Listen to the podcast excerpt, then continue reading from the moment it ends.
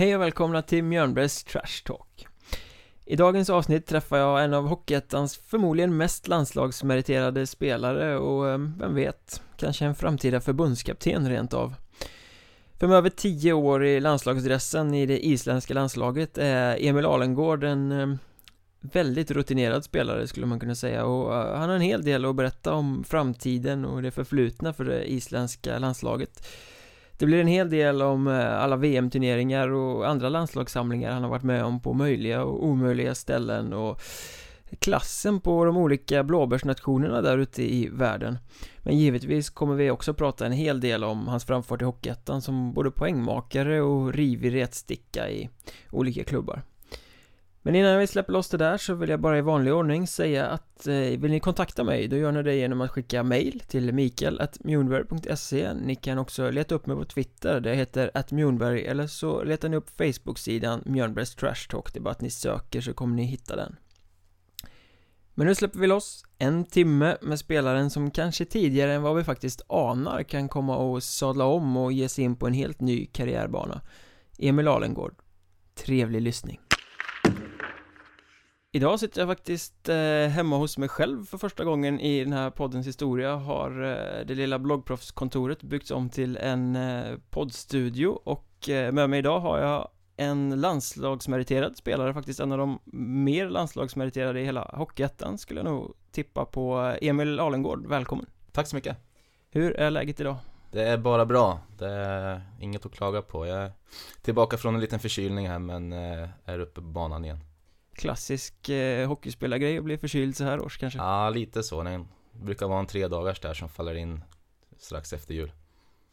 Men eh, du har eh, precis som många andra gått och blivit eh, Stockholmsbo numera efter en, mm. en ganska lång eh, Hockeyettan-karriär ute i eh, mindre klubbar så har du också landat i huvudstaden och spelar Haninge numera. Hur har du landat här i storstan? Ja men det blir bättre och bättre. Det, det var väl eh, det var en inkörningsperiod där till en början med att hitta i stan och eh, orientera sig i sina olika områden där man brukar vara men börjar få lite ordning på det nu tycker jag. Hur mycket skiljer sig vardagen egentligen kontra om när du har varit i Mjölby eller Skövde eller Norrköping eller sådana andra orter?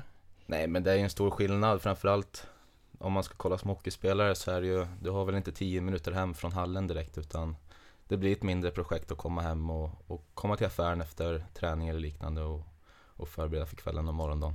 Så det, var, det är liksom så en ganska lång inkörningsperiod innan man har hittat rytmen i hockeyn liksom. Ja men det har blivit lite så. Det, eh, jag har väl märkt nu sen min flytt upp till Stockholm, man går mycket snabbare till exempel och man eh, Tempot höjs ju några snäpp och det är väl något man bara dras med i även om man kanske inte skulle vilja det. Påverkar det spelet också? Ja, nej, det tycker jag väl inte utan det är väl det är väl nere vid hallen och när man snörar på sig grickorna som man känner sig som mest hemma egentligen. Så att det är väl Det har väl mer varit en period där man eh, får bryta av lite från Stockholmslivet och bara leva sin egen bubbla emellanåt. Hockeyn blir liksom en eh, oas på något sätt. Ja, lite så faktiskt. Men hur är det, jag menar Spelar du i västra serien där du har tillbringat ganska stor del av, av eh, karriären så där sätter ni er på bussen när ni ska på bortamatcher till exempel i, Här mm. blir det snarare egna bilar eller rent av kollektivtrafiken ibland. Ja, nej, men det har varit en extrem omställning och det är väl Det har varit lite skärmigt också, det får man ju väl erkänna att ta en tunnelbana till en bortamatch men Jag tror vi har haft en till två bussresor eller något liknande. Eh, Hudiksvall bland annat och Tierp då men I övrigt så har det varit bilar och, och tunnelbanan som har gällt i bortamatcherna hur känner man sig när man tar trunken och sätter sig på blåa linjen eller vart man nu ska? Nej, trunken har vi inte tagit utan eh, våra materialare ska väl ha en eloge som eh, själva nästan packar ner i hallen och, och har sin lilla lastbil som de åker med till bortamatcherna så att den har vi inte med på axeln i alla fall. Är det lite glassigare då till och med att spela här och slippa bära trunken själv? Nej, nej men det är väl en det är en trevlig stund att komma ner till hallen och packa trunk, trunken men eh, det kan vara värre emellanåt när man kommer hem från bortamatcherna och framförallt då har förlorat en match och ska packa upp den igen. Slipper ta hem den i alla fall. Ja, ja verkligen. Men eh, Haninge Anchors är det du eh, representerar i mm. år i alla fall. Eh, hur kommer det sig att det eh, blev just dem? Nej men jag ville väl, eh, jag kände det att jag Jag tycker fortfarande det är extremt roligt att spela ishockey och, och ville inte lägga skridskorna på den berömda hyllan än så länge utan jag ville fortsätta och Ehm, och Haninge var väl egentligen det som passade lämpligast till min utbildning här uppe i Stockholm då eh, i form av avstånd och liknande. Ehm, och ja, jag hade väl inte så jättemycket koll på, på förutsättningarna mer än att jag visste att, att det hade skrivits mycket om just Stockholmsserien som det kallades för men har väl rent generellt fått ett, ett bättre intryck än vad jag trodde av serien faktiskt. Ja, vad trodde du från första början? Nej, jag trodde väl egentligen att eh, Ja, men jag trodde väl kvaliteten inte skulle vara Alltså det är väl Strukturen finns väl inte där riktigt bland lagarna som det gör i, i övriga serier Om man tittar överlag så men Men jag tycker väl ändå Med de förutsättningarna som vi i Haninge har haft så, så har vi faktiskt fått ordning på det ganska bra. Det spelas bättre hockey i östra serien än vad den kanske får cred för. Emellanåt gör det. Emellanåt, det vill säga ibland gör det inte det. Nej, nej men det finns väl vissa Vissa lag där som, eh, som man känner skulle Skulle behöva en liten uppryckning men när du säger strukturen och sådär kontra andra serier Tänker du då mer på spelsystem och spelidé och taktiskt uppstyrt eller vad är det som skiljer? Ja, tittar man här så är det väl eh, Känslan man får är väl att det är lite mer tillfälligheter som, som avgör matcherna Jämfört med till exempel om man kollar den västra serien eh, Och det har väl det har väl speglat mitt spel lite grann också. Jag, jag lever ganska mycket på att ha en struktur i mitt spel och, och veta vad jag ska göra där ute på isen för att känna mig trygg. Eh, så att jag är väl inte tillfälligheternas man kan man väl säga. Inte gubben i lådan som råkar Nä. stå där och peta in pucken? Nej, jag önskar väl hellre att någon annan får vara det. Så får väl jag jobba fram de ytorna till den mannen istället. Så att egentligen så passar, låter det ju som då Östras typ av spel dig lite sämre än när du får Men jag tycker det. Det tycker jag. Och sen eh, ska man väl inte sticka under stolen heller med. Jag, jag gjorde klart med Haninge ganska sent och eh, var väl inte helt inställd på att jag ens skulle spela hockey den här säsongen. Så eh, för min del så har väl alltid säsongerna satt sig i hur min, ah, vad ska man säga, sommarsäsong har varit. Hur min fys har, liksom, min fysiska status. Och i år var den lite sämre än eh, tidigare? Ja, det har varit, helt klart. Men hur lång tid tar det att, att komma ikapp där då? Alltså, jag menar, man kan ju träna ikapp under en säsong Men det måste ju vara en ganska lång process Och, och tar- hitta kroppen du kommer nog inte ikapp nästan om du inte har rätt förutsättningar men har du en sysselsättning vid sidan om hockeyn så, så blir det svårt faktiskt att komma ikapp utan det är sommaren du bygger upp allting som du, som du gör sen på under issäsongen. Men nu eh, pluggar du det, Vad är det du pluggar? Mm, eh, GIH heter skolan, ligger bakom Stockholms stadion. Eh, pluggar tränarprogrammet eh, och kommer vara här nu uppe i, ja nu är det två och ett halvt år till. Eh, och känner fortfarande att jag, jag vill fortsätta med, med idrotten och, och ishockeyn i synnerhet sen när jag, när jag slutar med ishockeyn som aktiv då. Men det är hockeytränare eller fystränare eller vad? Nej, utan det är väl eh, just tränarprogram så det är Absolut så är det en tränare som jag Som jag har som ambition att kanske kunna bli i framtiden men även jobba med, med utveckling och kanske inom vissa förbund eller liknande Så den är hyfsat bred den utbildningen faktiskt. Men hur eh, viktigt eller nyttigt kanske ett bättre ord är det då att ha en pågående idrottskarriär vid sidan av? Nej, det är inte Vi har väl fått den rekommendationen från, från skolan då att, att försöka ha någonting parallellt med utbildningen som Som, ja, som är då ledaruppdrag egentligen. Eh, Men jag kände väl den här säsongen att jag, jag verkligen inte ville sluta utan jag ville fortsätta en säsong till åtminstone Så framtiden är oviss om vi säger så. Det blir, kan inte säga redan nu att du kommer spela östra serien i något lag redan nästa säsong. Nej, jag kan säga redan nu att jag, jag kommer inte spela nästa säsong utan eh, det här är den sista. Så jag försöker bara njuta så mycket jag kan av att jaga den där pucken. Det är en nedtrappning i år då kan man säga nästan. Nej, utan jag försöker väl ändå Jag försöker väl maxa så gott det går i alla fall i min prestation men Och jag, jag älskar fortfarande hockeyn där ute men känner att det är Det är dags att, att, att lägga av helt enkelt Helt och hållet eller kommer du inte ens fortsätta med korpen eller division 3 nej, eller? nej, det kommer jag inte göra Utan jag kommer klippa det helt Sen får man väl se helt enkelt om man Om man får något litet sug tillbaka och vill Kliva på Kliva på isen igen då 28 år ung är alltså karriären snart över Ja, det, det är så. Det, det är tufft som division 1-spelare. Tyvärr. Det, men, men hur betraktas det i laget då? Om de vet om att du ska lägga av liksom? eh, nej, jag har väl inte gått ut med det så rent till, eh, till några i laget heller utan eh, eh, jag kommer köra den här säsongen stenhårt och sen eh, Sen eh, så kanske jag i framtiden får ta hand om de här unga grabbarna som vi har i, i vårat lag som är väldigt duktiga faktiskt och, och nästan förtjänar bättre förutsättningar än vad de har idag faktiskt. Hur påverkar det inställningen till resultatet i slutet på säsongen? Jag kan tänka mig att ska du lägga karriären på hyllan så vill du go out with a bang eller hur man uttrycker det liksom. Hur, hur betraktar du det sportsliga resultatet för laget i år då? Nej, alltså jag unnar ju vårt lag all framgång och jag, som jag sa innan alltså, jag vill ju Jag ger ju allt jag har här för, för Haninge den här säsongen och, och vi är ju nära att knipa en playoffplats och sen När man väl är i playoff så kan ju verkligen allting hända eh, Och jag kan inte minnas senast jag spelade en playoff-match och Hoppas väl då att jag kan vara tillfälligheternas man då. Ja, och avsluta på ett snyggt sätt. Ja, precis. Sadden avgörande av Emil Arengård hemma i, eh, vad heter det, Lennart Sportcenter eller Ja, Torvalla ishall Lennart någonting. Sport Arena. Inför jublande 353 publikrekord. Får nog tio dubbla den siffran hoppas jag.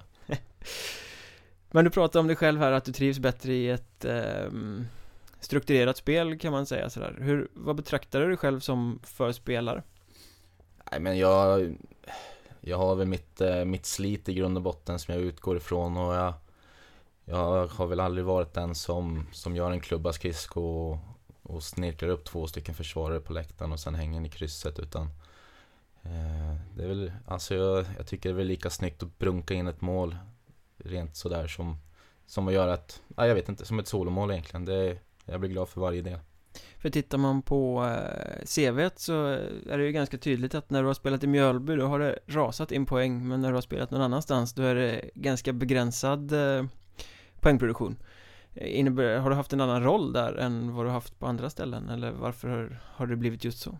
Nej men kollar man Mjölby rent specifikt så var det väl, jag fick den rollen eh, där jag skulle producera och, och jag tror nog att jag kan ta ganska många olika roller beroende på vilket lag jag spelar i. Eh, men som jag sa så är det ju mitt slit i grund och botten som jag, som jag vill utgå ifrån egentligen. Hårt arbetande energispelaren Stämmer nog bra det. ja. Är du mer retsticka än vad man eh, tror? Jag vill vara mer retsticka så det, det är den rollen jag skulle vilja fått lite mer än tidigare.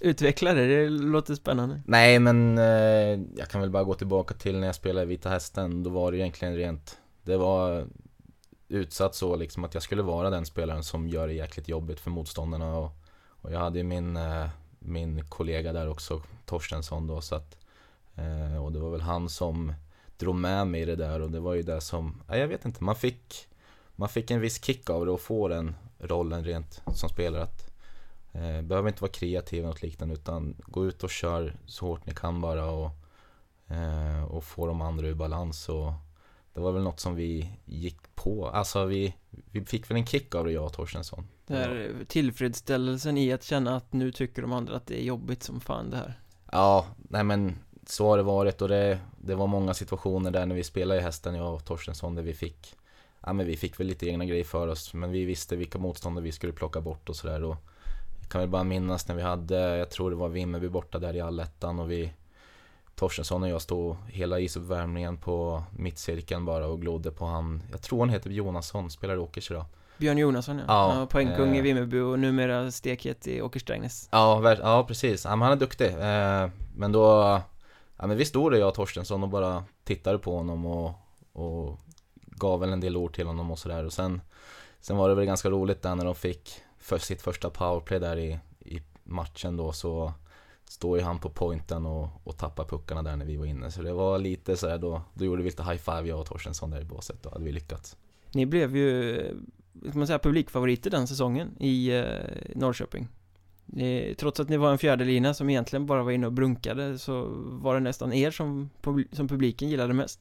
Ja men vi, eh, vi, vi tog den rollen och vi, vi gjorde det hårda jobbet och det är väl säkerligen sånt som publiken uppskattar och det Favoritskapet hos publiken fick vi väl kanske på köpet då, då.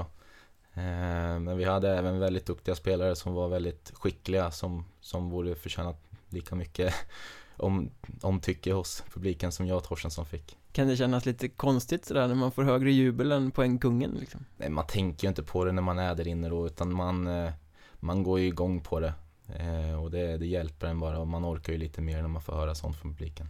Men var det uttalat när du kom till eh, Vita Hästen där att du ska vara jobbig? Eller blev det så att det föll sig naturligt bara? Det, nej, det kom väl, det föll sig naturligt och det eh, Jag hade väl inte fått höra så mycket just då om att, eh, att jag skulle få en sån roll när jag kom till hästen från, från Mjölby då som jag spelade i året innan utan Säsongen 12-13 när vi pratar om, ska vi kanske Ja, också? det börjar bli några år sedan nu eh, Nej, utan eh, det var något som Som föll sig in där när laget började bli komplett då. Eh, Så vi, vi spelade en fjärde eller tredje eller vad det nu var så att eh, och, och hade den rollen och ja, vi tyckte om den faktiskt jäkligt mycket. Var det din bästa säsong i karriären? Ja men det var det, det var, men det har att göra med Får väl ge Patrik Clift en stor eloge för den sommarträningen han gav oss, hela laget där. Alltså det var Enormt vilken träning vi gjorde den sommaren alltså. Och det var Nej det var Man har nog inte varit så tränad under hela livet förutom just den säsongen faktiskt. Gjorde det den här brunkstilen enklare att utföra då också? Ja men det gjorde ju såklart, man orkar mycket mer. Man eh, Man kände ju det när man ställde upp på en tek att man eh, rent mentalt och fysiskt så var man ju starkare än den motståndaren som stod bredvid och det Det gav en ett jäkla försprång faktiskt när man var där ute och spelade. Kände ni det också, eller sa de det till er någon gång, motståndaren under den säsongen, att det var extra jobbigt när eran brunkarlina var på isen? Nej, det tror jag nog inte att jag fick höra någon gång utan eh, eh, Vi hetsade väl upp varandra jag och Torstensson. Ja, hur gick det till? Nej, han hade ju sin dunk där inne i omklädningsrummet som han, jag vet inte, det var något hemligt. Jag vet inte vad det kan ha varit, måste komma från Sibirien någonstans som han har hämtat det där. Eh, Så han gick ju runt och, och bjöd på den där då. Det var ju som en liten bar där innan matcherna.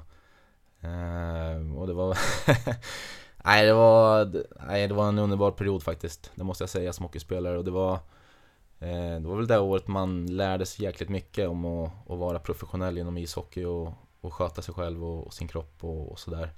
Eh, Men även vad som gör att man vinner matcher och, och liksom ska lyckas och ha en vinnande känsla i laget och så vidare. Och där Där var ju Patrik Klyft faktiskt den Ja men den bästa tränaren jag har märkt på som, som kan bygga ett lag rent kollektivt. Väldigt mycket vi och dem i hans ledarskap, så han bygger en extremt stor gruppkänsla Ja, det var så. Det var, vi hade en jäkligt bra känsla inom vårt lag och det var, vad ska man säga, externa, ja men så som journalister och sånt, de, hade, de fick inte komma in i omklädningsrummet och det var, det var lite rabalder där just den säsongen, ja, om man tänker från styrelsen och mot, mot själva laget då, men men jag tycker Clift ändå höll det där jäkligt bra och fick oss att liksom tänka på rätt saker. Men du säger att det var en av dina bästa säsonger och du vill vara den där grisen eller retstickan som du faktiskt var den säsongen Hur kom det sig att du inte riktigt tog med dig det när du gick vidare därifrån sen? För sen var du tillbaka i Mjölby och gjorde poäng igen Ja, men då fick jag den rollen i Mjölby där eh, Och Samtidigt när jag var där i året efter Vita Hästen då så, så hade jag väl ändå det här gnetandet och sletandet i Mjölby men Där hade väl inte Mjölby samma skicklighet på spelarna som Vita Hästen hade naturligtvis då. Eh, Så då fick man väl axla en till roll och det var väl att försöka att peta in någon poäng här och där. Ja, det blev, eh, ska se om jag tjuvkikar i papperna, 42 stycken. Ganska Mm, bra Kontra ja. 16 säsongen innan när du spelade Ja. brunkarlina Jag hade lite större nummer på ryggen den säsongen så det, domaren såg mig lite lättare kanske Men du eh, gillar även den rollen, eller liksom att, att få vara den som tar lite ansvar och, och ska leda laget Ja men det kan man inte sticka under stolen med. Det är klart man vill Man vill bidra på så många sätt som möjligt och det var Det är ju lärorikt även att få en sån roll så att eh, Nej men det är kul att göra mål. Det är kul att göra poäng men, men samtidigt kul att, att slita sönder motståndarna.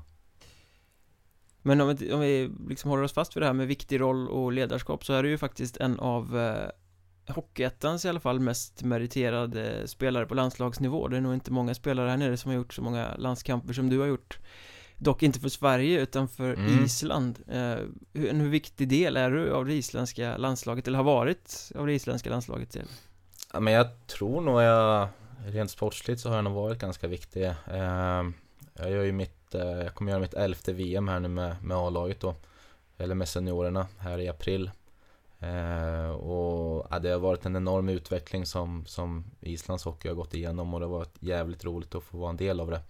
Eh, jag minns det i början, eh, mitt första år, då hade vi ju ja, de, de åkte ju ner där en vecka och hade lite semester och spelade lite hockey egentligen. Och stjärnan där då, han var väl, jag vet inte, 125 pannor och kunde ju inte ens åka skridskor. Så då fick man väl sen en tankeställare om vad man, vad man egentligen hade gjort för val här. Ehm, men sen år efter år så har det blivit sakta men säkert bättre och vi har fått många ungdomar som, eh, som ändå har potential och som, som vill komma ut och spela bra hockey som, som vi har nu bland annat på några ställen här i Sverige och några åker till USA och sådär. Ehm, så det, nej, det var kul att få hjälpa till faktiskt. Men hur kommer det sig att det blev isländska landslaget överhuvudtaget? För det är ju dubbelt medborgarskap, Mm. både svenskt och isländskt stämmer. Eh, Så nå- någonstans måste du ha gjort ett, Men det ett kom- val då liksom att Ja, men det var där i, jag tror jag var B-junior och det var ehm, hade, Jag fick väl eh, Det var några som sa åt mig att jag var och knackade lite på uttagna till det svenska landslaget och sådär eh, Och det hade ju Givetvis hade det varit häftigt att få representera det svenska landslaget men då då ställde Islands förbund en fråga om jag ville komma och, och representera dem och spela VM då. Eh, Och jag kände att jag inte kunde tacka nej till det utan jag ville verkligen vara med och bidra och, och hjälpa dem. Eh, Så att eh, vi har ju haft, ja, åkt iväg en vecka varje år efter avslutad säsong och man har ju fått, sett, eller fått se stora delar av världen egentligen och, eh, och de, de står ju för hotell och, och boende, eller boende och resor och sådär så att man har, man har fått se väldigt många olika delar av världen. ett sätt att få uppleva saker Det har varit häftigt, Ja. ja. Eh, Och egentligen så här får du en bärande roll och är en ganska stor viktig spelare i landslaget i Sverige hade du kanske fallit bort när det börjar bli lite mer seniorår och sådär så. Ja, men det hade jag nog gjort. Så jag, I grund och botten så tror jag nog att jag gjorde ett, ett bra val där. Men vilken roll som spelare har du i, i isländska landslaget då? Är du eh, retstickan eller är du eh, den ledande powerplay-spelaren? Ja, det får vara den sistnämnda där. Eh, får vi vara lite speldosa i, i powerplay och eh, Så att det har väl varit den rollen man har fått ta och det har varit Ja men allt som oftast en väldigt rolig avslutning på sin egen säsong som man har haft här i Sverige då. Men det är ganska långt in på våren som, som VM-turneringarna brukar gå. Det är Mm. maj eller något där. Jag brukar vara i april där, i mitten av april så att eh, Ja, spelar man division 1 och har en kort säsong och slutar i mitten på februari så har man ju fått eh, försöka vara lite kreativ och hitta lite istider på andra håll då. Eh, så att eh, förra säsongen minns jag när jag var i Skövde då så fick man ju spela både med 99 och veteranlag och, och sådär för att hålla igång. Ta den is som finns liksom. Precis. Men eh, då är det just med landslaget också om du lägger av nu. Ja men det kommer det bli och, och jag vill ju hjälpa dem också då eh, på ledarsidan där och, och jobba med utveckling där borta också. Så att du är en eh, blivande förbundskapten. Inget som är spikat än men vi får se hur det blir med den saken. För jag vet att du var väl inblandad i eh, när Tim Brithén var eh, förbundskapten för isländska landslaget. Mm. Hade ett finger med i spelet att han fick den chansen. Ja, jag fick leka lite förmedlare där eh, så jag rekommenderar, rekommenderar Tim då. Jag har ju haft honom i i LHC då, eh, i de lite yngre åren där, jag tror det var U16, U15 kan det vara också. Ehm, och, och jag visste ju om egentligen att han var en väldigt duktig tränare och han hade ingen, ingen aktiv tränarsyssla just då, då för tillfället. Men eh, av döma nu då i efterhand så verkar det vara ett ganska bra val som tränare och, och träna ett isländskt landslag. Ja, han står i båset i HV71 idag. Ja, precis. Det är en skaplig väg den karriären har tagit. Mm.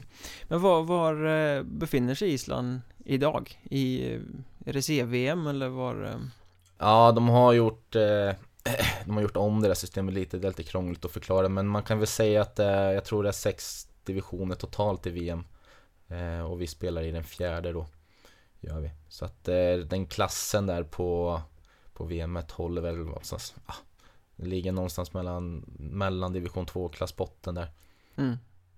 Men det är tio år i landslaget. mm. Eh, och du säger att det har skett en ganska stor utveckling. Alltså hur långt har den isländska hockeyn kommit under den här perioden som du har fått vara en del? Nej, men det är väl främst seriositeten kring det och, och liksom intresset är borta. Det är fler aktiva nu än vad det var förut och, och givetvis söker det chansen till att få ett mer slagkraftigt lag och även utveckla svensk ishockey, så, eller isländsk Isländsk, ja. ishockey, förlåt. Ehm, så att, eh, nej men det har haft en, det har tagit en ganska stor utveckling även om det kanske inte har syns så mycket sportsligt sett då. Men vad är det framförallt då som skiljer isländsk hockey eller isländska landslaget från det vi kan se i Sverige i Hockeyettan till exempel? Var, vad är det som avgör att det blir lite sämre klass? På... Ja men det är ju skolningen, det är eh, detaljer i spelet och sånt, sånt som många saker i svensk hockey kan ju vara given för, för spelare här men som man inte ens har en tanke på där borta. Som till exempel? Nej men det kan ju vara hur man, eh, hur man gör ett uppspel eller om man, hur man ska styra och, och uppställning och tekvarianter. Ganska många olika delar. Det taktiska helt enkelt? Ja. Eh, bygger det också då på att man träffas alldeles för sällan och kanske inte har den här eh, träningen på det hemma på egen hand under stora delar av året utan det är bara när man nöter med landslaget som det som det blir läge för sådana saker. Ja, men det är ju då de spelarna egentligen när vi när vi sammanstrålas. Vi gör inte det så många gånger på en säsong, men när det blir lite bättre kvalitet så så är det ju med allt annat också då, men man, man höjer sig så några snäpp när, när kvaliteten blir bättre, men det händer ju lite för sällan tyvärr där borta. Eh, utan de är väl eh, på lite för låg nivå för att kunna utvecklas. Men sen har vi ju spelare som har en, en ganska stor talang som är unga men men som fastnar och liksom inte kommer, de utvecklas ju inte efter en viss tid där. Eh, och då måste de ju vidare ut i Europa eller till USA då. Måste lämna Island för att ja. eh, kunna ta sig vidare liksom. Precis. Var finns de bästa spelarna?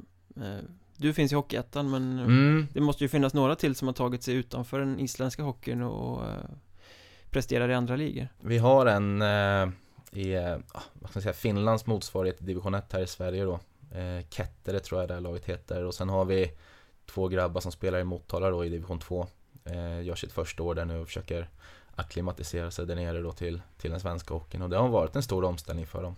Det säger de själva då. Så att eh, Man får väl hoppas att det går fort i alla fall. Och att eh, det kanske tar en säsong innan man börjar förstå lite mer hur, hur man, eller vad man ska ändra på i sin egen spelstil för att kunna bli bättre. Hur mycket har du eh, fingrat med i spelet när eh, isländska spelare hamnar i Sverige? Nej, jag försöker bara vara en röst emellan och sen eh, Tim Brithén har ju också varit en stor del och har hjälpt till och han har ju Han har väl varit involverad lite grann innan i Motala bland annat då Men det är klart att de, jag försöker hålla en kontakt med dem som vill, som vill vidare ut då Och vill ju hjälpa dem egentligen Jobbar Isländska förbundet mycket med det där också? Att kunna liksom slussa sina spelare ut till miljöer där de kan utvecklas? Nej, det har nog mer varit eh, Alltså tränare som har varit där. De flesta förbundskaptener som har varit på Island har inte varit islänningar utan eh, Nu efter Tim då så har vi en annan svensk tränare då, Magnus Blåran som Som jobbar uppe på Moras hockeygymnasium för tillfället då. Eh,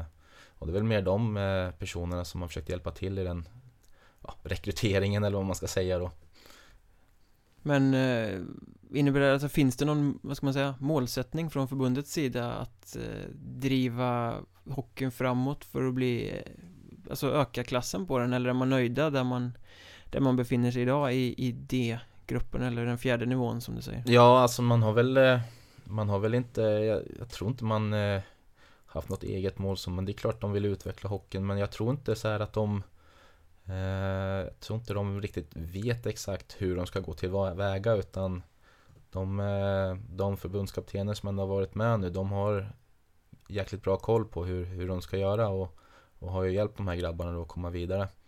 Eh, och jag tror väl att förbundet inte riktigt har samma kunskap när det gäller sådana bitar. Så egentligen så krävs det att det kommer in, inte bara förbundskaptener utifrån utan även någon form av kanske administrativ förbundspersonal som kan komma in mm. och, och, styra upp verksamheten på något sätt. Ja, sen ska man väl inte Islands förbund ligger kanske inte på samma nivå som det svenska när det gäller förutsättningar utan de Det är lite ideellt och sådär också och det, det har blivit bättre och bättre faktiskt. Ja man ser ju fotbollen har gått framåt ganska skapligt under Lars Lagerbäck så ja, varför, varför skulle hockeyn inte kunna Nej. fortsätta utvecklas också? Ja. Eh, men hur är ligan? Finns det ens en inhemsk liga att tala om? Det finns en liga Den är på, jag tror det är fyra lag som spelar där eh, Så de är väl säkerligen ganska trötta på att möta varandra eh, Så det är, det är Givetvis så blir det ju väl ingen bra utveckling på ligan där borta eller, eller på hockeyn om det är så få lag som spelar Så att men det är väl det vi försöker få, vi försöker få intresset att växa och få in fler aktiva och, och därigenom så kanske vi kan få in lite fler lag också och, och skapa en lite bättre med lite fler lag och lite mer konkurrenskraftig liga då. Mm. Men hur mycket ansvar känner du själv? Alltså du, när du pratar om det så låter det som att du, du pratar om vi eller som, som att du är en del av det liksom. Känner du stort ansvar för att driva den isländska hockeyn? Ja men jag vill det, jag har inte haft den eh, möjligheten än att kunna göra det så mycket som jag kanske hade velat men eh, Jag har ju fått så mycket genom isländsk hockey tycker jag själv att jag skulle vilja ge tillbaka eh, Och det, det, skulle jag vilja göra här i framtiden för, framförallt då Eh, och det är väl Det är väl något som jag är väldigt sugen på att hjälpa till med i alla fall men inte haft möjlighet än Det är det du kommer göra när du inte spelar hockey nästa säsong? Ja men eh, någon fot där inne kommer jag säkerligen ha Har du någon gång försökt eh, värva dig till isländska ligan? Jag gjorde en, ett gästspel där för flera, flera säsonger sedan eh, Givetvis träffade jag ju många vänner genom landslaget och sådär som, som spelade borta och, eh, och gjorde en match där eh, men det blev, det blev bara en match. Så att mer än så var det inte. Men om du skulle kliva in och spela där, vad tror du? Skulle du ösa in poäng eller vad? Hur mycket bättre skulle du vara än, än resten av de som spelar? Jo, men det hade nog trillat in några poäng. Det hade det gjort. Men jag tror nog inte det hade varit så, så roligt som, som jag hade velat att det skulle vara. Nej, det blir ofta lite ensidigt om man är lite bättre än sina ja. motståndare. Men tio år i landslaget säger vi, vad, vad är egentligen den största, den största framgången? För din egen del alltså? Ja, alltså fram, tänker du rent hockeymässigt eller på landslaget? Ja, rent hockeymässigt i, i landslaget Ja, alltså med, med Islands landslag Det har ju varit, det har varit många tillfällen som vi har träffat men det har varit verkligen eh, De killarna som, som har spelat med mig i landslaget har ju varit eh, man säga, ihärdiga. De har, även om de är 32 år gamla så har de en, en väldigt stor ambition om att vilja utvecklas och lära sig ännu mera. Eh, och jag har väl tagit lite den rollen som, som spelande taktisk tränare eller vad man ska säga. Jag har ju velat hjälpa dem så mycket som möjligt och liksom lära dem olika delar om detaljer i spelet och så vidare. Så mycket som, som jag själv kan personligen och jag har lärt mig här bortifrån då. Eh, men ska man peka på någon enskild framgång så har det väl ändå fått vara rent, alltså helheten och vara med i den utvecklingen för att den var väldigt nystartad när jag började och jag tycker ändå det har gått väldigt fort framåt för, för isländsk hockey. Har ni avancerat uppåt eh, i, från, genom VM-grupperna under, mm, din tid? det har vi gjort. Vi, vi har tagit guld eh, man åker ju upp och ner där men eh, jag, tror vi, jag tror det var mitt första år som vi åkte ner Eh, och då var det till näst sämsta gruppen, men sen tog vi klivet upp igen då eh, året efteråt. Eh, och sen dess har vi legat där eh, i mitten av den divisionen, men tog ju som bäst silver då för två säsonger sedan. Eh, och vi har ju haft en, det målet att ta, upp, ta oss upp en division till och det har ju varit själva drömmålet då, men det har fortfarande varit lite för stort steg för oss. OS-kval och sånt eh, vet jag att ni har spelat Ingår det också i VM-turneringarna eller är det specifika turneringar? Nej, det sker ju var fjärde, var fjärde år då, men vi hade ju nu här i, i Spanien där vi spelade mot, eh, mot tre lag då vi var ju fyra totalt. Eh, och gick inte så himla bra för oss.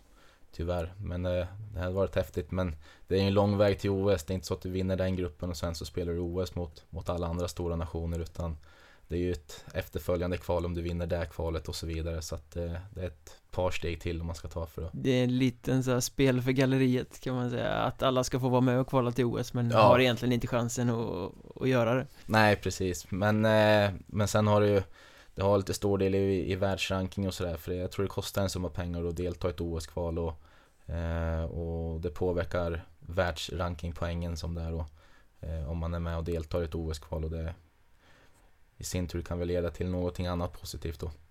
Vilken är den mest etablerade nationen som ni har mött? Eh, jag får nog lov att säga att det måste vara Estland skulle jag vilja säga att det var. De hade de, de kändes ganska proffsiga rakt igenom och hade ett par gubbar som ändå spelade SM-liga i Finland bland annat och sådär. Eh, och sen tror jag eller ej så var Kroatien ett ganska häftigt lag att få möta. De hade de hade ju som jag då dubbelpassare som är från Kanada då. Eh, så jag tror väl någon, någon är väl i NHL eller AHL för tillfället och det är, det är ju jäkligt stort för dem, även för mig men även för grabbarna i laget och, och få vara med och möta sådana spelare. I, men hur ligger Kroatien till liksom som landslag? Ja, de ligger bra till, Ja. det gör de. Eh, som sagt, många dubbelpassare, men många spelar i österrikiska ligan och eh, som, man, ja, som jag aldrig har känt till som ja, deras namn då. Men som ändå är ganska hög nivå på, Ja, men på en de liga är, ja, de är väldigt skickliga faktiskt. Fast det kanske är lättare för Kroatien att gräva fram dubbelpassare på andra sidan Atlanten än för Island Det finns inte Ja. så många utvandrare Nej, det får, man får väl hitta, man får väl skapa någon slags avdelning som är runt och, och letar efter dubbelpassare runt om i världen så man kan få ett lite bättre lag. Men när ni åker på de här turneringarna, VM och sådär eh, Hur är det liksom? Är det lika seriöst som på ett AVM och, eller är det Lattjo Lajban och gå på krogen på kvällen liksom? Nej, nej, nej, utan det är ju det är seriöst och det är, eh, lampan släcks vid 11 och sådär på hotellet men eh, det är ju framförallt jäkligt roligt att få vara med och träffa allihopa och, och vi har faktiskt skitkul tillsammans men sen är det ju eh, när vi väl spelar så är det ju på liv och död faktiskt, så är det ju. Men vi brukar ju ha ett läger innan VM tillsammans där vi åker iväg och som ett träningsläger då på en 4-5 dagar där vi kanske spelar en eller två träningsmatcher innan då. Eh, och sen drar vi iväg och spelar själva VM i en vecka ungefär. Brukar det hända så här oväntade grejer? Runt turneringarna? Ja, men det har det väl gjort. Eh, Jag kan tänka mig att det är inte direkt Globen ni kommer att spela matcherna i så att liksom, nej, alltså omklädningsrummen fungerar väl lite som baracker där du får, du sitter ju nästan på varandra där inne och det är ju lite så här, eh, lite känsla från de eh, unga åren när man var iväg på skol, skolresor och sådär när man sov i skolsalar och sådär. Logement liksom Ja, ja, Vilken är det konstigaste stället ni har hamnat på? Nej, jag måste säga Rumänien. Det är, eh, som sagt, man eh, har ju fått åka och spela på ställen som man aldrig annars hade åkt på en charterresa eller semester till direkt. Men man har fått perspektiv på saker och ting och vissa ställen ser tyvärr inte bra ut. Vad, vad är det som gör att Rumänien poppar upp i, i medvetandet? Vad var det som utmärkte det liksom? Nej, men det var ju fattig stad och fattiga människor. Alltså allting var ju så på så låg nivå man kan tänka sig om man, om man nu jämför med Sverige då. Eh, maten var ingen vidare, alla vart ju magsjuka och eh, nej, bara synen på landet, hur det, hur det såg ut och sådär. Det var väldigt nerslitet och, och det verkar påverka människorna ganska rejält också. Det är nästan så att det blir beklämmande och att man Man får, får- en empati liksom Ja, man får dåligt samvete på något sätt som, som bor i Sverige och inte kan, kan påverka på något sätt. Tyvärr så är det så. Men hur var hockeyn där då? Alltså, hur kommer det sig att det hamnar en turnering i ett, Nej, sånt det- sammanhang? De som arrangerar får ju ett bidrag från eh, internationella hockeyförbundet. Eh, sen hur mycket av de det bidraget de investerar i själva VM-arrangemanget det låter jag vara osagt men jag kan tänka mig att det är en del pengar under bordet där som, som går till, till andra ställen just i själva VM-platsen då, eller arrangemanget. Men det är de länderna som ligger i eh, samma grupp som får arrangera eller kan VM hamna någon annanstans liksom? Nej, utan det är till någon, någon av de spelande länderna. Eh, och man ansöker ju om det då. Eh, och det brukar vara en ganska stor summa pengar tror jag som, som går till det landet som arrangerar. Så eh, det brukar vara ganska attraktivt att få, få Ja, det kan, i. det kan vara lukrativt att få ha fjärde divisions VM liksom. Ja, Men men finns det krav och sånt på vad för arena det måste vara? Alltså du måste kunna ta in tusen pers eller sådär liksom av min erfarenhet så tror jag inte det har varit några krav. Eh, man har fått se både det ena och det andra faktiskt. Så det, nej, det, jag vet inte. Jag kan ju, året innan jag spelade VM, eh, min, mitt debutår då, så var de väl i Sydafrika tror jag.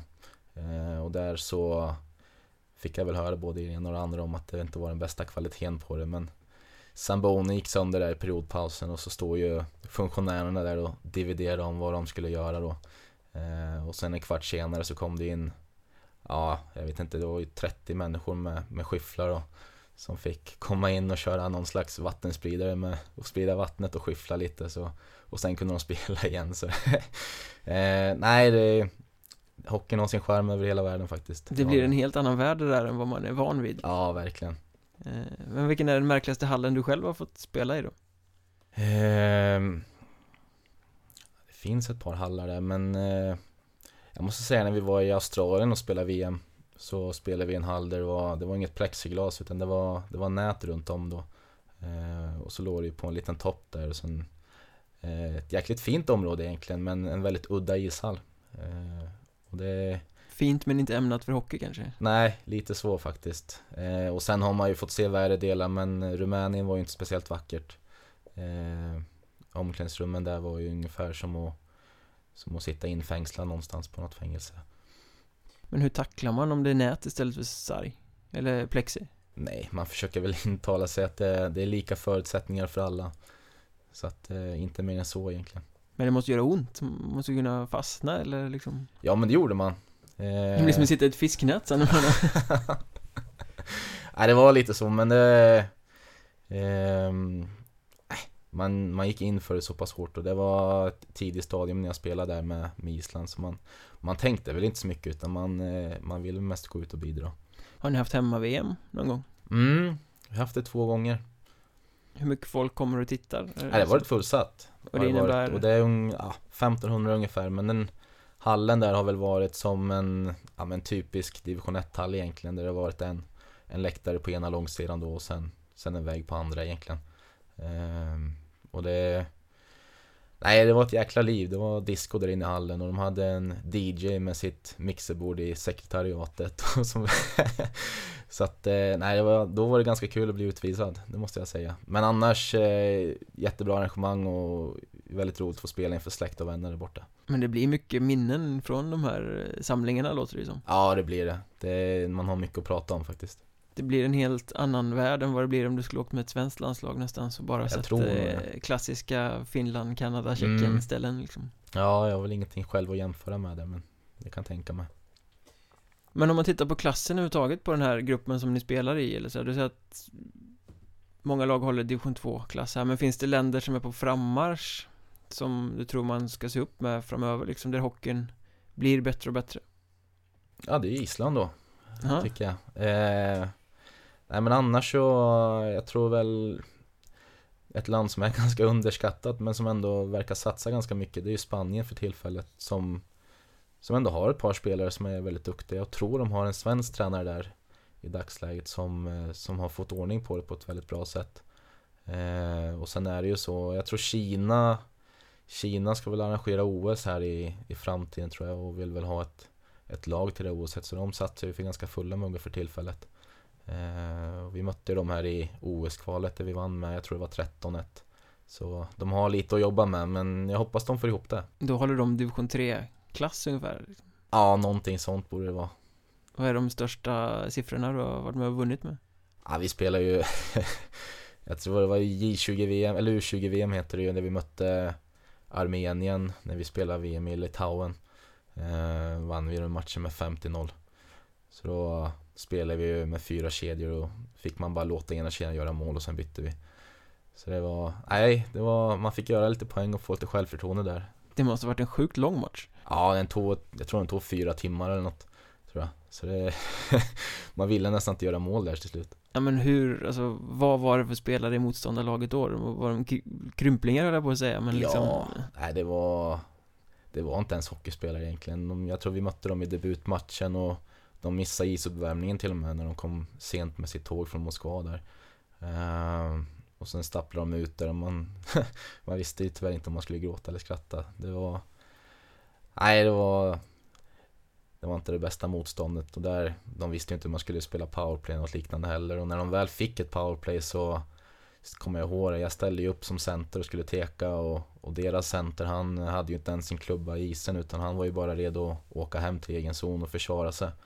Och hans fyra kollegor de stod ju redan och väntade i egen zon på oss. Så det var Nej det var komiskt på ett sätt. De hade inte ens läst hockeyns ABC innan de gick Nej. ut i den turneringen Nej.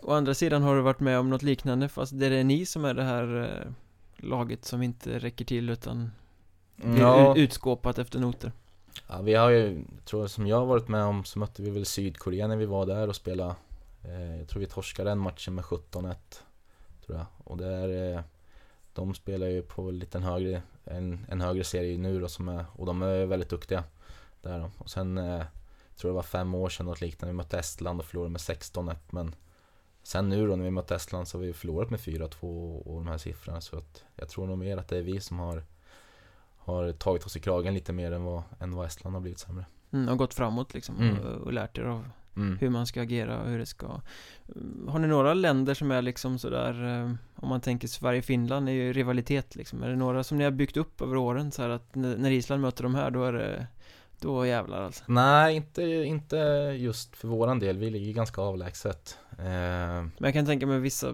Det kan ha varit heta matcher som har gjort att det spiller över till andra år och sådär kanske ja, det har inte, inte sådär, inte på den nivån. Men däremot så har man ju fått se andra lag som har spelat. Till exempel Serbien och Kroatien. Eh, där har det varit livat på läktarna kan jag säga. Så att eh, är inte rent eh, för våran egen del som vi kan känna. Det kan ju vara om vi har förlorat året innan mot ett lag som vi möter i år igen då, eller näst följande VM. Eh, då är det väl en stor lust efter revansch egentligen som, som känns. Hur fysiskt blir spelet när Serbien och Kroatien spelar? Ja, det blir ju, jag vet inte om man kan kalla det fysiskt om man går runt och, och leker yxhugg och, och leker skogshuggare på varandra. Så att, eh, nej, det var väl eh, nästan inte ens hockey de spelade tyvärr. Det var eh, våldsamt Ja, det var det. Det var det.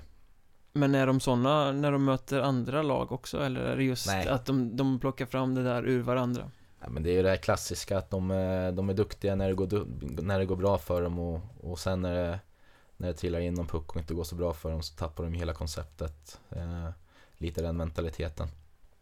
Men finns det spelare i, i till exempel sådana lag som du tror skulle kunna kliva in i en hockeyettan-miljö och göra det skapligt? Ja, alltså du har ju eh, Kroatien har väl eh, Jag tror de har en eh, Borna Rendulic Tror jag han heter, han spelar väl i Colorado i dagsläget eh, Född 93 eller något liknande, otroligt duktig alltså eh, Och sen har du väl i Estland så har du ju som jag sa innan några grabbar som spelar Eller någon, jag vet inte hur många de är men i SM-liga spelar de eh, Och sen är det väl eh, en del spelare som spelar då i, i Österrike och där nere i Europa då Eh, och skulle definitivt göra ett bra jobb i, i Hockeyettan. Tror du att, eller skulle du rekommendera svenska klubbar att scouta om man säger blåbärsnationer mera? För att liksom kunna hitta de här lite oväntade russinen? Ja men det finns och jag har ju fått, eh, jag har fått en del frågor från övriga klubbar i, i på nivå om, eh, om spelare som jag har mött då genom VM. Har jag fått. Så att eh, det finns en del fynd att göra faktiskt. Det gör det. Men den eh, övergripliga nivån är inte, inte på Hockeyettan-nivå tyvärr. Nej, men då handlar det mer om att kanske se talangen och sen få en sån spelare att underordna sig den Exakt. träning som krävs i Sverige För jag kan tänka mig att det är där det brister, att man är inte lika väl tränad Mm. eller lika väl drillade i Mm. Och du har väl, eh, jag vet inte om han spelar kvar i Östersund men han, eh, jag tror vi har mött honom, han spelar ju för Israel. Eh, Ehrlich da, ja, Daniel Daniel, Ehrlich. Precis. Eh, han har jag mött några gånger där. Eh, Liten teknisk eh, Ja, herre. men han spelar väl i Mariestad först tror jag. Mm, stämmer Ja, eh, jag vet inte, han kanske inte underordnar sig direkt då sin roll i Mariestad men jag vet inte, han kanske har fått ordning på det nu i Östersund istället. Men Israel, är det eran nivå? Ja, de, eh, de går upp och ner hela tiden. Eh, men vi brukar vinna mot dem med ganska behagliga siffror. Det gör vi. Jag vet att det finns andra spelare i Hockeyettan som har eh, Det är någon som har thailändskt pass och, och något sånt där Har de ens Jaha. landslag? Jag tror Thailand har ett landslag. Det tror jag. Eh, jag har inte forskat kring det så himla mycket. Men jag tror väl att de har några rinkar i, i köpcentrumen och, så vidare.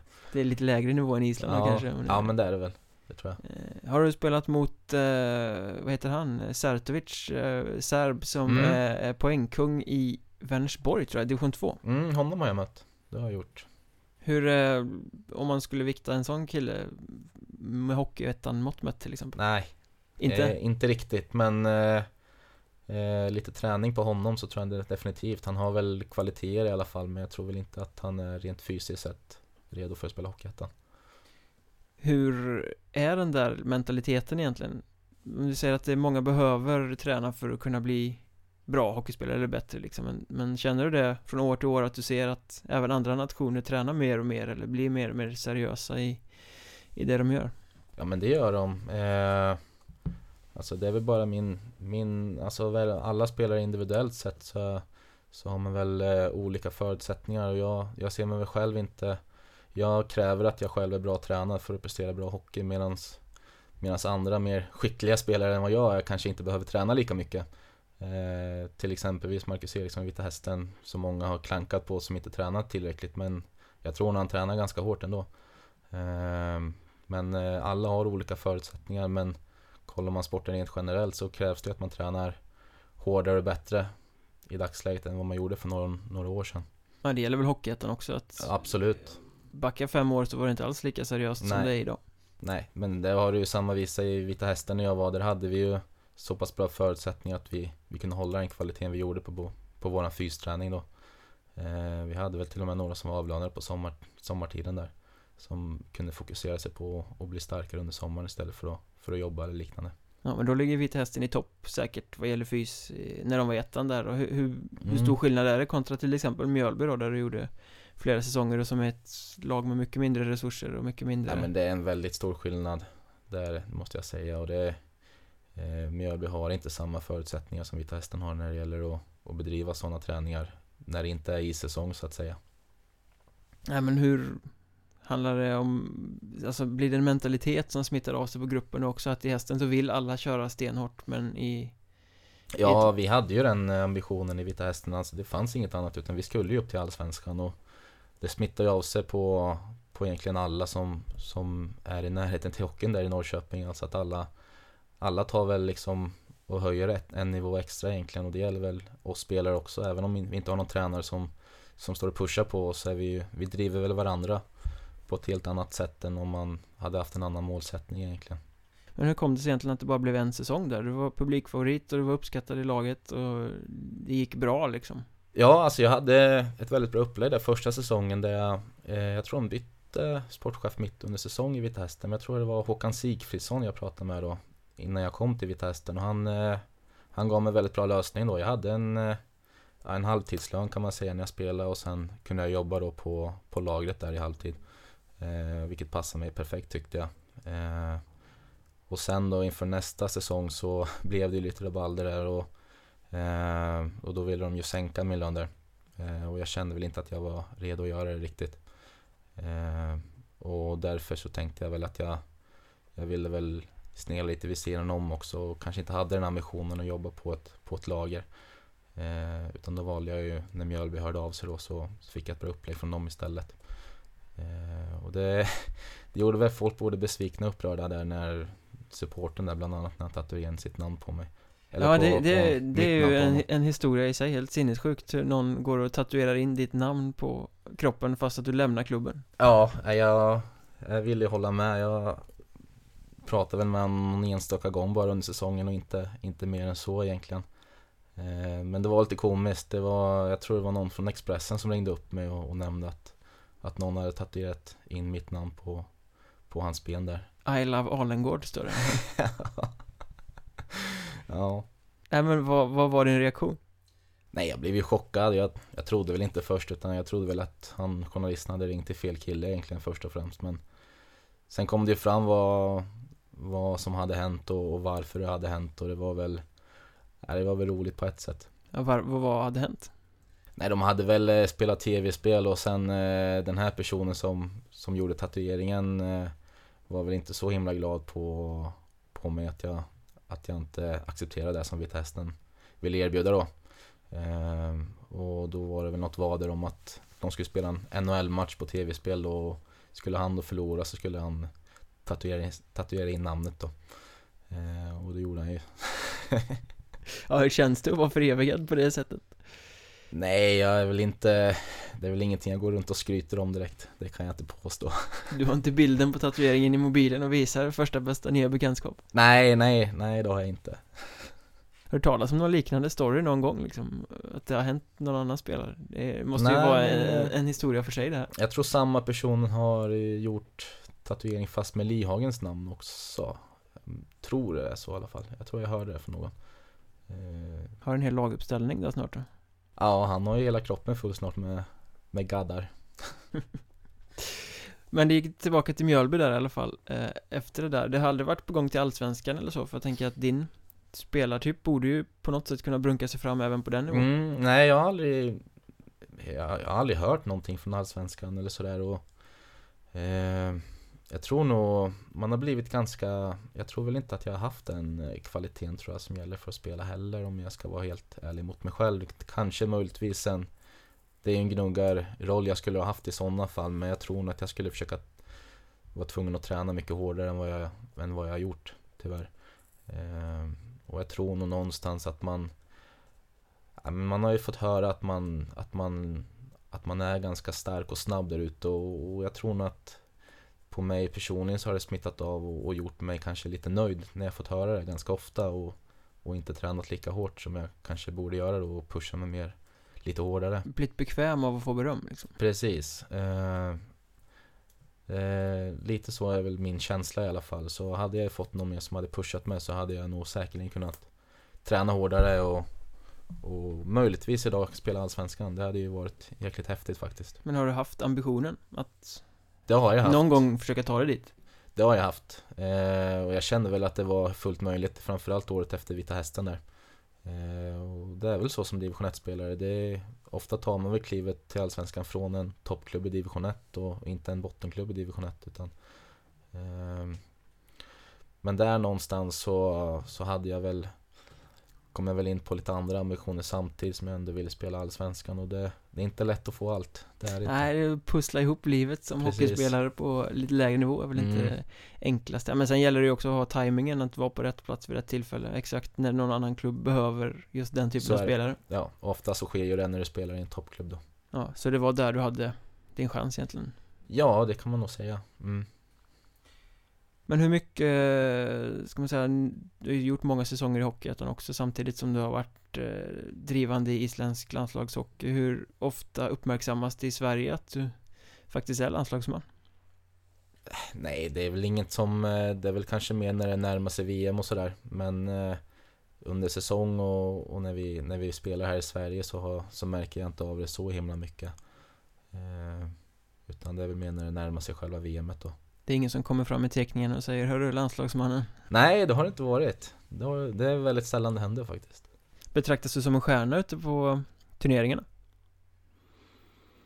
Ja men jag kan nog tänka mig att andra eh, Om de nu analyserar motståndarlaget så är det väl mig de eh, försöker plocka bort på något sätt eh, Och det kan ju vara lite ärofyllt att få den stämpeln någon, någon gång men eh, eh, det har nog hänt men inte sådär att jag får höra det från, från spelare och så vidare att jag är en stjärna. Det, det, det vill jag nog inte heller betrakta mig som.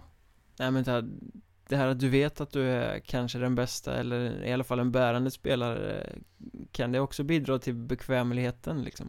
Du vet att du redan är på toppen Ja det kan Det är nog lätt hänt att man, man tror att man kan göra lite mer än vad man Än vad man egentligen kan göra när man möter sånt motstånd det, det är inget motstånd du ställer ut skridskorna mot direkt utan det är fortfarande hårt jobb som gäller och du har fortfarande en ganska bra målvakt där bakom som du ska göra mål på. Eh, så att det, det, krävs ändå lite av en rent prestationsmässigt för att, för att göra bra ifrån sig. Även träningsmässigt? Ja, det, så är det. Ja. Men om du, om du sammanfattar karriären som snart är slut, eh, landslagskarriären och klubblagskarriären, vilka skulle du säga är de bästa spelarna som du har spelat med och mot? bästa med så jag måste nog min förra säsong spelade jag rätt mycket med Adam Rundqvist som var center. Eh, skulle han få lite mer fart på rören så skulle han spela på en högre nivå än, dag, eh, än vad han gör idag.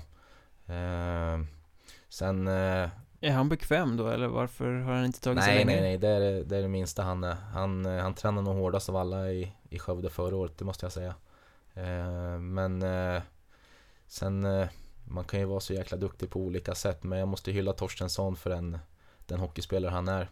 Eh, och han spelar ju fortfarande idag och jag eh, Någonstans där så har man ju alltid en vilja och ja, Jag skulle vara jäkligt sugen på att spela med honom igen men Återförenas liksom, ja, dynamiska duon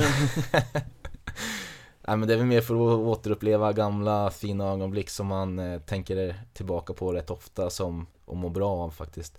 Eh, och det gjorde jag den säsongen när jag spelade med honom och han var väl han var som en liten mentor för mig där när det Ja, lite tips och tricks och, och hur jag ska göra i vissa tillfällen och sådär Ja, du lärde dig mycket av, av honom? Ja, alltså jag pratade väl kanske lite mer taktik med honom eh, mellan bytena i båset medan han pratade mer om hur vi, vem vi skulle gå på i motståndarlaget och sådär. Han hade sina Så targets. Ja. eh, nej, så jag får väl eh, eh, Man har ju spelat med så himla många bra, duktiga spelare och det Alltså Hockeyettan, nivån håller en väldigt bra nivå och det Det är synd att inte fler får chansen i Allsvenskan. Och det känns ändå som att det Börjar bli mer och mer bekräftat att Eller accepterat att komma från Hockeyettan till Hockeyallsvenskan och ta det klivet. Istället för att värva någon, någon trött Atlantspelare. Ehm, Så att eh, nej, jag Det går inte att rabbla upp alla namn här egentligen utan det har varit väldigt många bra spelare man har spelat med. De bästa motståndarna som du har fått möta. Ehm, alltså jag kommer ihåg vi mötte Björklöven uppe i Umeå i, i eh, kvalet till Allsvenskan där och där var det ju många bra spelare men det var mer sättet de spelar på. Eh, de var jäkligt vassa kommer jag ihåg då. Eh, svåra att möta, tunga. Ehm, Det var den säsongen de faktiskt tog klivet upp Ja, i, i Allsvenskan. Det gjorde de. Ja. Jag tror vi vi förlorade matchen tror jag med 3-2 när de gjorde mål med 40 sekunder kvar av matchen ungefär. Det blir ju lätt så att man spelar man mot så pass bra motstånd så försöker man ju Det blir lite att man höjer sig själv också och vi gjorde en bra insats den matchen men Men eh, Nej, jag kan inte, jag kan inte rabbla upp alla namn här som jag spelat med men Sebastian Ottosson som eh, centrar mig och Torstensson ska ju också ha en liten hyllning för sättet han städade undan allting efter mig och, Stod ut med er. Ja, precis eh, Jag tror han spelar i Tranås idag Mm, det stämmer. Ja eh, Nej, det finns många duktiga Jimmy Andersson som spelar i Karlskrona idag Exempelvis Också jävligt duktig eh, Förlåt att jag svär Får svära hur mycket du vill. Ja. Ja, men det har varit mycket, men när du stänger boken här eh, sen, kommer du kunna liksom sitta om några år och tänka att ja, men jag hade en rätt skaplig karriär ändå? Ja, men det, det får jag väl lov att säga men eh, samtidigt kommer det nog finnas en gnutta det är nog väldigt lätt att vara efterklok och, och liksom ångra lite saker men att man inte tränar hårdare än vad jag gjorde eh, Jag tror nog många tänker så egentligen att man Varför gjorde jag inte så eller varför gjorde jag inte det men eh, i, Rent om man ska summera det så ska jag nog inte vara speciellt ångerfull men givetvis så fanns det väl tidpunkter då jag kunde tagit tag i det på ett lite bättre sätt. Så å andra sidan är det inte alla som har spelat 10 VM-turneringar. Nej, det får jag väl, jag får väl kontra med om någon skulle säga emot. Okej, karriären är slut, du utbildar dig, vi eh, tror att du inom en snar framtid kommer vara eh, någonting inom isländsk hockey Om du så är agent som skickar folk vidare till Hockeyettan eller förbundskapten eller eh, vad det nu kan tänkas vara Det kommer jag säkerligen vara. Det var kul att du tog dig tid att vara med Tack så mycket.